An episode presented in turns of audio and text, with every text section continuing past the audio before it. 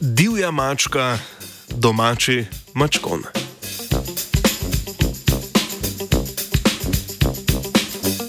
Evropsko divjo mačko, poleg izgube življenjskega prostora, najbolj ogroža hibridizacija z domačo mačko. Na škotskem denimo skoraj celotno obstoječo populacijo sestavljajo poldomačeni hibridi. Mednarodna raziskovalna skupina je v članku objavljenem v reviji Current Biology pokazala, da je hibridizacija škotskih divjih mačk z njihovimi udomačenimi sorodniki sodoben pojav, ki se je začel šele pred približno 70 leti.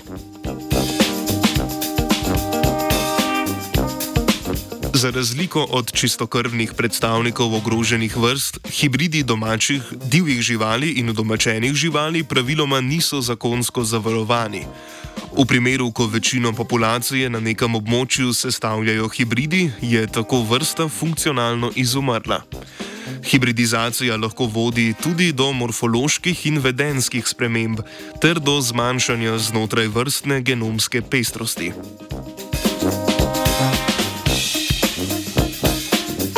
Raziskovalke in raziskovalci so sekvencirali genomska zaporedja iz oduzetih vzorcev ži živih domačih in divjih mačk v divjini in ujetništvu, arhivskih vzorcev iz 20. stoletja ter iz arheoloških vzorcev iz mezolitske in srednjeveške škotske.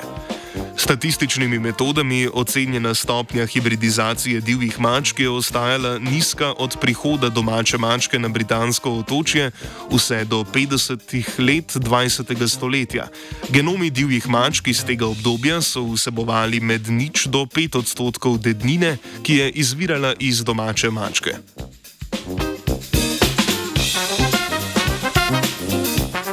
Drugi polovici 20. stoletja stopnja hibridizacije skokovito naraste.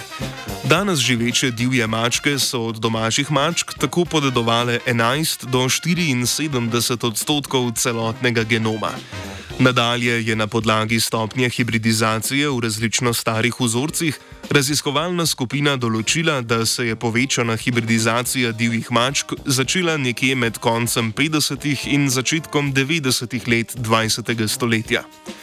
Povečana stopnja hibridizacije bi se zgodila k malu po drastičnem upadu škotskih divjih mačk, ki je bil zabeležen okoli leta 1950, ter so upadala s pospešeno izgubo in fragmentiranjem življenjskega prostora zaradi deforestacije in urbanizacije.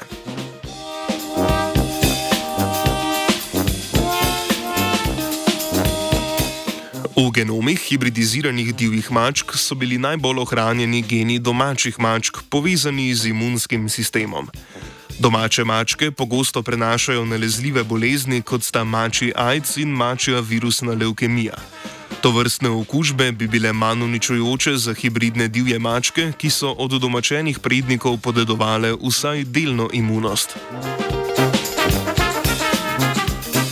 Hibridizacija je škotskim divjim mačkam pomagala preživeti spreminjanje njihovega okolja in vedno večjo izpostavljenost prej neznanim boleznim.